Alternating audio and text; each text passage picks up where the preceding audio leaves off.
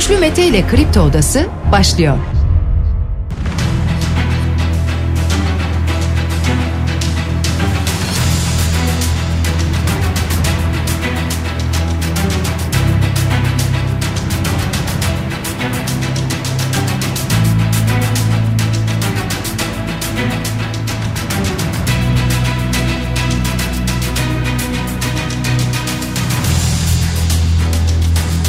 18 Ocak çarşamba sabahından Kafa Radyo'dan Kripto Odası'ndan tüm Türkiye'ye yurt dışında bizi dinleyen dinleyicilerimize günaydın. Hepinize sağlıklı ve güzel bir gün dileyerek her sabah olduğu gibi programımıza başlıyoruz. Bugün de Kripto Odası'nda sizlerle beraber olacağız. Gündemdeki başlıkları değerlendireceğiz. Sizler de görüşlerinizle fikirlerinizle programa katılmak isterseniz Twitter üzerinden güçlü mete yazarak bana ulaşabilirsiniz. WhatsApp hattımızın numarası 0532 172 52 32.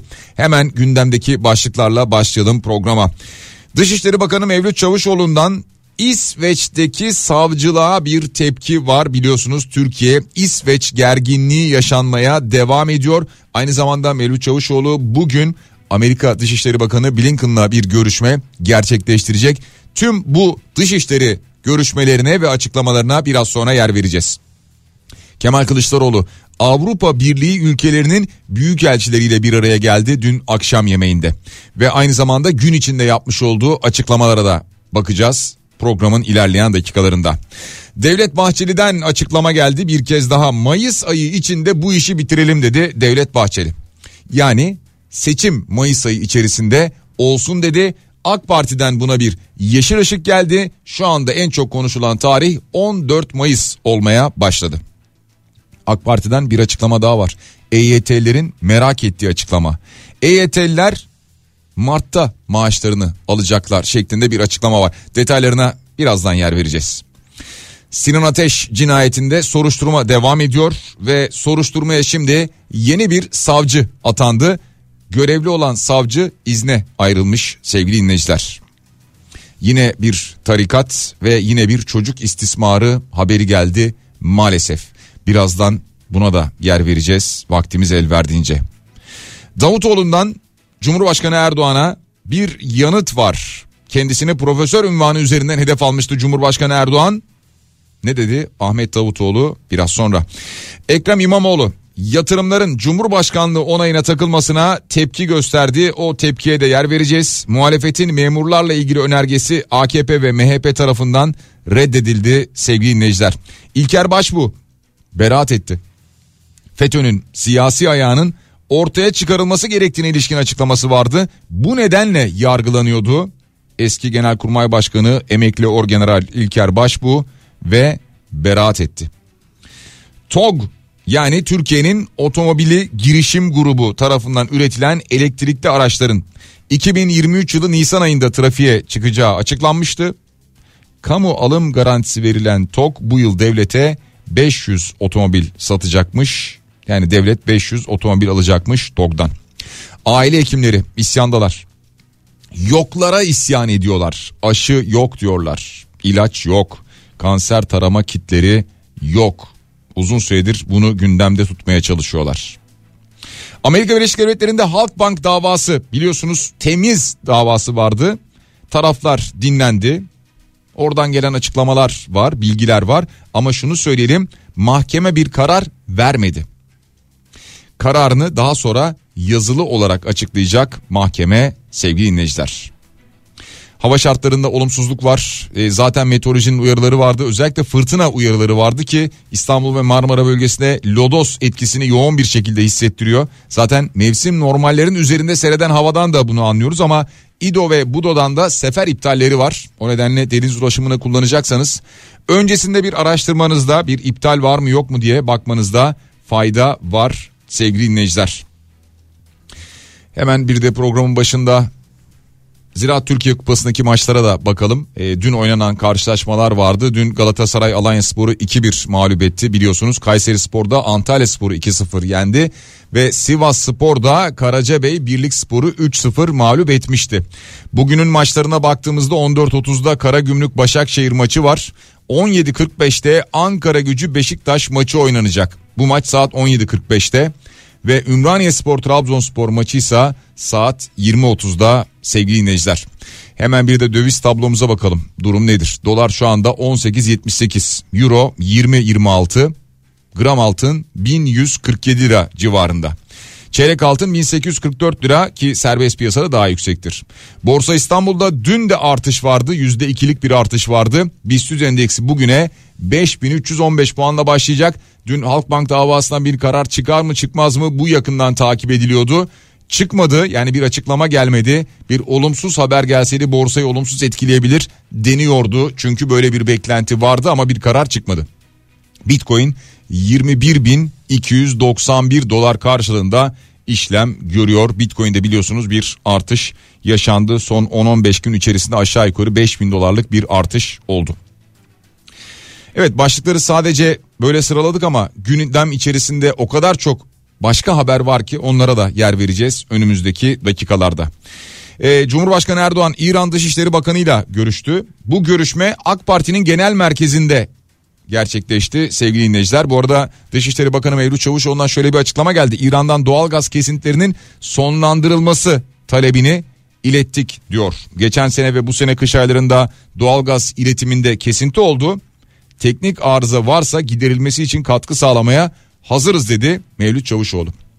Şimdi biliyorsunuz İran daha önce de bu doğalgazı kestiği dönemler vardı ki işte geçen yılda benzer şekilde bu yaşandı. Neden aslında şöyle bir şey oluyor ee, onu da tahmin ediyoruz. Ee, havanın çok soğuk olduğu dönemlerde özellikle İran'ın bu soğuğu yaşadığı dönemlerde İran doğalgaz kesintisine kısıntıya gidiyor. Sonra da işte bir takım arızalar vesaire falan diyor. Yani biraz kendini kolluyor kendini korumaya çalışıyor doğal olarak öncelikle kendini düşünüyor ağırlıklı olarak. E, netice itibariyle Türkiye'de diyor ki bu sene olmasın bu sene bunu yaşamayalım. Zaten şu andaki hava şartlarında e, anormal bir doğal gaz kullanımı herhalde yoktur. En azından şu dönemden bahsediyorum. Çünkü bu hafta hava böyle devam ediyor. Lodos etkisindeyiz. Ee, özellikle Marmara bölgesinden bahsediyorum. O nedenle de mevsim normallerinin üzerinde seyreden bir hava sıcaklığı var ama Lodos'tan dolayı az önce söylediğimiz gibi deniz ulaşımında aksamalar var. Meteorolojinin uyarısı var. Ağaç devrilmelerine, tabela veya işte çatı uçmalarına karşı dikkatli olun diye uyarıyor meteoroloji sevgili dinleyiciler. Mesela hava durumuna baktığımızda şu anda 14 derece gösteriyor ve gün içerisinde 18 dereceye kadar çıkabilir diyor. En yüksek hava sıcaklığı. Evet 15 e, dereceleri falan görüyoruz ama 18 derece. Yarın mesela İstanbul için bakıyoruz tabi 18 cuma 18 yani şöyle söyleyeyim bir sonraki cumaya kadar böyle 16 14 12 diyerek düşüyor. Bir sonraki cuma 8 dereceyi görüyoruz. E, mevsim normallerinin bir hayli üzerinde seyreden bir hava sıcaklığı var. Kemal Kılıçdaroğlu Avrupa Birliği ülkelerinin büyük elçileriyle görüştü bir araya geldi. CHP heyeti de vardı bu görüşme sırasında bu akşam yemeği sırasında. Ama öncesinde Kemal Kılıçdaroğlu'nun açıklamaları vardı ki dedi ki 418 milyar dolar çaldınız dedi. Öyle söyledi. Bu iktidar döneminde çalınan çetelerin mafya artıklarının çaldığı, uyuşturucu baronlarının çaldığı 418 milyar dolar dedi. Çok açık, net. Tahsil edeceğim rakam budur defterinize yazın dedi. İktidarımızda tahsil edeceğiz, alacağız dedi. Önce benimle konuşmak ve anlaşmak istediler. Kapıyı yüzlerine kapattım. Her türlü operasyona başvurdular ve artık son aşamaya geldik. Silah ve suikast tehditleri. Son uyarılarını yapıyorlar akıllarınca diye konuştu ve hatta daha sert konuştu. Dedi ki be gafiller, şerefsizler, akılsızlar, müptezeller, çakallar. Siz mi beni korkutacaksınız? Sizin önünüzde diz çöküp yaşamaktansa ayakta ölmeyi tercih ederim dedi. Böyle bir açıklama yaptı ve daha sonrasında bunu bir video olarak yayınladı. 85 milyona tahsis edeceksiniz o parayı. Benim size vasiyetim budur dedi yayınlamış olduğu videoda Kemal Kılıçdaroğlu. Ağırlıklı olarak mesajını aynı zamanda Sadat'a da verdi. Gün içerisinde grup toplantısında Sadat'la ilgili de mesajı vardı. Bu paramiliter artıklar çok daha büyük resmin parçası dedi. İşte gün içerisindeki konuşmasında akşam videoya çevirmişti. Seçim tarihi ne olacak?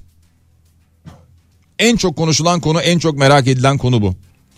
Şimdi seçim belli ki Mayıs ayında yapılacak. Ee, ağırlıklı olarak gelen tarih 14 Mayıs. En çok konuşulan tarih bu kulis bilgileri bu yönde. Ha, son anda bir değişiklik olur da 14'ü olmaz 21'i olur 14'ü olmaz 7'si olur bilemiyoruz ama neticede kulis bilgileri bize en çok 14'ünü işaret ediyor. Devlet Bahçeli dün bir açıklama yaptı dedi ki uzlaşarak Türkiye'yi birlikte seçime taşıyalım Mayıs ayı içinde bu işi bitirelim dedi. Şimdi uzlaşarak taşıyalım denildiğinde bir meclis kararı gerekebilir.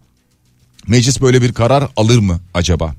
Ee, yoksa yoksa Cumhurbaşkanı Erdoğan bu kararı alacak. Yani meclisi feshedecek ve ondan sonra 60 günlük süreci başlatacak. Yeniden seçime gidilecek.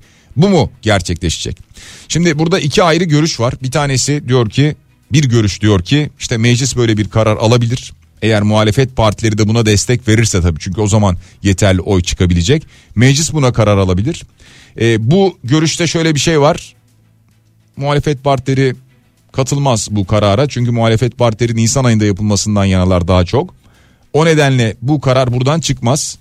Cumhurbaşkanı Erdoğan meclisi feshedip yeniden bir seçim isteyebilir ki bu durumda da başka bir konu var. O da işte Cumhurbaşkanı Erdoğan. Yani Erdoğan acaba ikinci kez mi üçüncü kez mi aday oluyor tartışması var ya. Eğer seçim yenilenirse üçüncü kez değil ikinci kez aday olabilir. Hukuksal olarak böyle bir problem de aşılabilir deniyor. O yüzden bir yandan muhtemelen hukukçuların da arka planda bir çalışması var. Ama Devlet Bahçeli bunu söyledikten sonra e, AK Parti'nin genel başkan yardımcılarından Hamza da yanlış hatırlamıyorsam o sırada NTV'de yayındaydı diye hatırlıyorum. O da bundan bahsetti. Yani diyor ki seçim tarihiyle ilgili bir karar alacağız. Yani bunu işte Mayıs'a çekebiliriz. Devlet Bahçeli de bunu söyledi dedi. Farklı bir tarih olacaktır dedi. Dolayısıyla AK Parti de buna şu anda yeşil ışık yakıyor. Ama dediğim gibi vatandaş şunu bekliyor. Yani bu tarihi bir öğrenelim de herkes planını ona göre yapsın. Vatandaş bunu bekliyor. İşte öğrenciler bekliyor. Ee, öğrenciler derken yani seçime katılacak olan yaşlı olanlardan bahsediyorum. Onlar bunu bekliyor. Ee, veya işte aileler bekliyor İnsanlar ona göre tatil planı yapacaklar. İş planlarını yapanlar var. E, yurt dışı seyahati olanlar var. Yurt içinde iş ziyaretine gidecek olanlar var. Herkes buna göre bir plan yapmak istiyor. O nedenle seçim tarihi bir açıklanabilse İyi Parti'den bir ziyaret oldu Kemal Kılıçdaroğlu'na sevgili dinleyiciler. 26 Ocak'ta gerçekleşecek olan altılı masa toplantısı var ki İyi Parti'nin ev sahipliğinde gerçekleşecek bu. Biliyorsunuz bu altılı masa toplantıları öncesinde ev sahibi hangi parti ise ağırlıklı olarak şöyle bir tur atıp diğer siyasi partileri geziyor nezaketen ve muhtemelen gündem de bir yandan oluşturuluyor. Meral Akşener de ikinci seçim videosunu yayınladı sosyal medya hesabından bundan e, bahsedebiliriz. Akıldan ve bilimden bir türlü nasibini alamayan bir dediği diğer dediğini hiçbir zaman tutmayan bu ciddiyetsiz yönetim anlayışını milletimizle birlikte sandıkta değiştireceğiz. Çünkü devlete ciddiyet yakışır dedi. Daha önce de adaletten bahsediyordu. Adalet yakışır demişti ki zaten şunu söyleyelim. Adalet, ciddiyet, samimiyet, merhamet, cesaret millet ve başbakan vurgularıyla işleniyor genel olarak. Meral Akşener'in veya İyi Parti'nin seçim kampanyası aslında şimdiden başladı diyebiliriz. HDP eş genel başkanı Pervin Buldan'dan bir açıklama var. Bu seçimlerin diyor ikinci turu kesinlikle Haziran'da gerçekleşecek. Yani seçimler ikinci tura kalır. Mayıs'ta her ne kadar seçim yapılacak dense de ikinci tura kaldığında da Haziran ayında ikinci tur gerçekleşir diyor ki bir yandan şunu da söylüyor. 7 Haziran sendromları var diyor. Haziran'dan korktuklarını biliyoruz diyor. Böyle bir açıklama yapıyor Pervin Buldan. Aynı zamanda yakın zamanda Cumhurbaşkanı adaylarını da açıklayacaklarını ifade ediyor. Tabi bu yakın zaman nasıl bir yakın zaman bilemiyoruz ama tabi insanlar şunu merak ediyorlar. Altılı masanın adayı kim olacak? Ee, işte HDP'nin de içinde bulunduğu ittifakın adayı kim olacak? Bir yandan vatandaş bunu merak ediyor. Ee, ama siyasi partilerin hepsi de bir yandan tabi bir takım e, planlamalar yapıyorlar. E, bir takım kurgular niyetleniyorlar. Çünkü işte erken mi açıklayalım geç mi açıklayalım? E, geç açıklarsak ne olur erken açıklarsak ne olur? Çeşitli araştırmalar anketler bunlara bakıyorlar buna göre adım atıyorlar muhtemelen. E, tipten İstanbul Milletvekili yani Türkiye İşçi Partisi'nden Sera Kadıgil e, Devlet Bahçeli'nin bu Mayıs'ta bu işi bitirelim sözleriyle ilgili bir açıklama yaptı. Daha önce de daha ağırlıklı olarak hukuksal açıklamalar yapıyordu. Olur bitirelim Mayıs'ta ama seçim olursa adayınız Erdoğan olamaz diye bir açıklaması oldu. Biz anayasa ve mevzuata uygun biçimde Recep Tayyip Erdoğan aday olsun ve kaybetsin isteriz. Bunun da tek yolu meclisin erken seçim kararı alması. Yani yeni seçim yasanıza hoşça kal demeniz diyor. Yani ancak böyle bir durumda olabilir diyor o da. Yani hukuksal olarak e, Serha Kadıgil de bunun farklı bir yöntemle olabileceğini ifade ediyor. Meclisin erken karar alması gerekir diyor. Erken seçim kararı alması gerekir diyor. Aslında bu tarihten sonraki seçim erken seçim değil. Yani çok da erken seçim diyemeyiz. Erken seçim olması için işte 2023 Haziran'da değil de 2023'ün Ocağı'nda olaydı veya 2022'nin Ekim'inde Eylül'ünde falan olsaydı hani bir erken seçimden o dönem bahsedilebilirdi. EYT'lilere bakalım sevgili dinleyiciler. Hepimiz EYT'liyiz değil mi? Yani hepimiz derken birçoğumuz e, bundan yararlanabiliyoruz ama e, ne zaman yararlanacağız onu bilmiyoruz. AK Parti Grup Başkan Vekili Muhammed Emin Akbaşoğlu bu konuda bir açıklama yaptı sevgili dinleyiciler. Bu bir süreç dedi. EYT düzenlemesini muhtemelen önümüzdeki hafta meclise sunacağız diye konuştu. Ve diyor ki teklif Şubat ayında yasalaşır. Mart ayında EYT'li kardeşlerimiz maaşlarını alacak diyor. Ee, ya bu gerçekten anlaşılabilir gibi değil. Neden anlaşılabilir gibi değil? E, geçen sene bu iş çözülecek dendi. Yani 2023'e bu kalmayacak dendi. E Kasım ayı önce söylendi. Kasım sonu Aralık başı dendi. Sonra işte Aralık sonu falan olur dendi. Aralık sonuna doğru bir açıklama geldi. Evet. Ama bir açıklamaydı sadece bu. Şöyle olacak, böyle olacak şeklinde. Sonra dendi ki bu yasalaşacak tabii. E ne olacak? Meclise gelecek. Tamam. Meclise niye gelmiyor? Bu Çalışma ve Sosyal Güvenlik Bakanı'na soruldu. Vedat Bilgin'e soruldu. O dedi ki teknik olarak biz her şeyi hazırladık. Buradan sonra siyasetin kararı dedi. Yani bakanlık diyor ki bizle ilgili bir sorun yok. Biz her şeyimiz hazır. Yani teknik hukuki ne varsa hepsi hazır. Meclise gelecek sadece. Meclise niye gelmiyor haftalardır? Şimdi gelmiyor.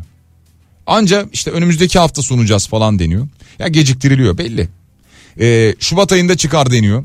Ya meclis istese var ya yani AK Parti MHP bir araya gelecekler isteyecekler meclise götürecekler ki muhalefet de destek verecek ve çıkmayacak öyle mi hemen? İşte deniyor ki şimdi sorulduğunda efendim meclisin bir çalışma düzeni var bir sistem var e, işte öyle kolay olmuyor e, bu bir süreçtir falan. Hangi konularla ilgili ne süreçleri bugüne kadar öyle hızlı açtık ki değil mi? Bunu aşamıyoruz bir türlü. E, EYT'liler için şu anki haber Mart. E, ha Mart olur mu yoksa Nisan'a mı kalır? E, işte hazır efendim e, seçim öncesi şöyle ilk maaş verilsin falan gibi bir şey mi düşünülür? Hayır diyor AK Parti böyle bir şey düşünmüyoruz biz diyor. E, MIT bir borsa için rapor hazırlamış sevgili dinleyiciler. Borsa için hazırlanan, BIST için hazırlanan bir rapor var. Daha doğrusu şöyle bir iddia bu. Bu iddiayı da Ahmet Şık, Türkiye İşçi Partisi'nden yine Ahmet Şık e, meclise taşıyor. Bu doğru mu değil mi?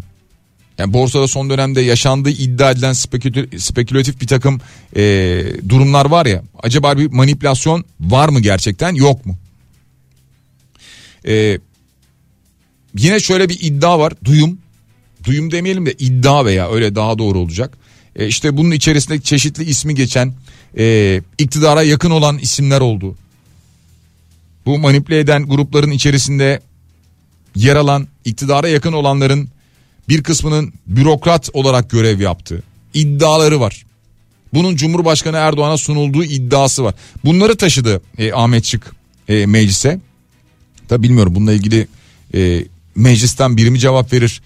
MIT genelde böyle bir açıklama yapmaz. Yani bir basın açıklaması vesaire gibi bir şey yapmaz.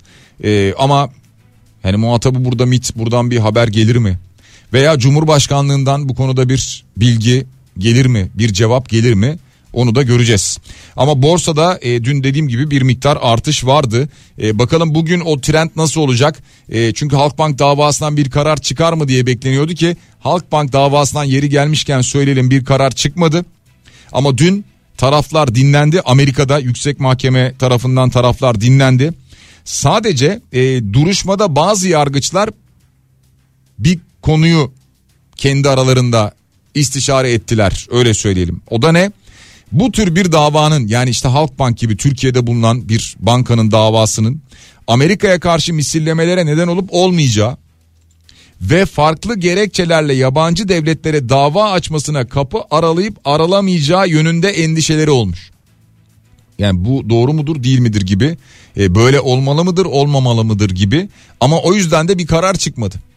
Yani Halkbanka ceza onanmadı böyle bir karar çıkmadı. E, veya hayır ceza vermiyoruz tamam vazgeçtik denilmedi. E, karar daha sonra yazılı olarak açıklanacak. Bu kararın yazılı olarak açıklanması bu ayda olabilir. Birkaç ay içerisinde de olabilir. Amerika'dan gelen basından gelen bilgilere göre 2023 sonunu bile bulabilir deniyor. Onu da hatırlatmış olalım. E, bakalım bugün bunun borsaya bir olumlu etkisi olur mu onu da göreceğiz. Bir reklam aramız var. Reklamlardan sonra yeniden buradayız. Kripto Odası devam ediyor. Reklamların ardından yeniden sizlerle beraberiz. Gündemdeki başlıkları değerlendirmeye devam ediyoruz. Bu arada sizlerden gelen mesajlar var. Neden İran'dan doğalgaz kesintisini sonlandırmasını istedi ki Türkiye? 58 milyar metreküp bulmadık mı biz diyor dinleyicimiz. Şimdi biz bulduk. Aslında evet biz bulduk da e, nedenmişti? İlk 3 ay içerisinde yani Mart gibi falan sistem çalışır gibi bir şey söylenmişti yanlış hatırlamıyorsam ben. Yani sisteme anca o zaman verilebilir deniyordu. Ee, kışı zor geçirmeyelim diye herhalde İran'dan böyle bir talepte bulunulmuş. Ee, günaydın sınav takvimi açıklanmıyor. Seçim tarihi belli olmadığı için seçim tarihi yüzünden YKS tarihi belli olamıyor. Öğrenciler perişan diyor bir başka dinleyicimiz. Evet yani sınav takviminden dolayı da yani daha doğrusu seçim programından dolayı sınav takvimiyle ilgili sorun da var. Acaba sınav takvimi açıklanmayan yani daha doğrusu hangi tarihte belli olmayan sınavlar hangi tarihte yapılacağı belli olmayan sınavlar? Ne zaman yapılacak bir? İkincisi açıklanan sınavlar var. Onlar o tarihte yapılabilecek mi? Bir yandan bunlar konuşuluyor. Eczaneler kapatma kararını tartışıyor. Gelen 10 reçetenin sadece ikisi karşılanıyor. Kira artan asgari ücret elektrik nasıl ödenecek bu olay tam 3 aydır böyle lütfen sesimizi duyurun diyor dinleyicimiz. Evet biz buradan e, hem eczanelerin hem eczacıların e, sıkıntılarını seslerini mümkün olduğunca zaten e, duyurmaya gayret ediyoruz. Sadece bu programda değil diğer programlarımızda da mümkün olduğunca bunu duyuruyoruz zaten. Bu ilaç problemini eczacılar uzunca bir süredir anlatmaya çalışıyorlar. Sokaklara çıktılar. Duyurular yaptılar. Bir araya geldiler, anlattılar. Tane tane anlattılar herkesin anlayacağı dilden ama yine olmadı. Ee, şimdi bir ara dendi ki işte kur arttırıldı, kur karşılığı arttırıldı. O nedenle artık e, böyle bir rahatlama olur. Ama yine olmadı. İşte aile hekimleri mesela bu kez diyorlar ki aşı yok, kanser tarama kitleri yok, ilaç yok. Ya ne yapacağız diyor aile hekimleri. İşte doğum kontrol malzemeleri yok. Reçete ettiğimiz ilaçlar eczanelerde bulunamıyor. Sorun artık halk sağlığını tehdit eden boyuta ulaştı diyorlar. Diyorlar da hani ne oluyor diye baktığımızda bir sonucu üretecek olan, çözümü üretecek olan kişi onlar değil ki veya kurum onlar değil ki. Ya bunu çözecek olan Sağlık Bakanlığı.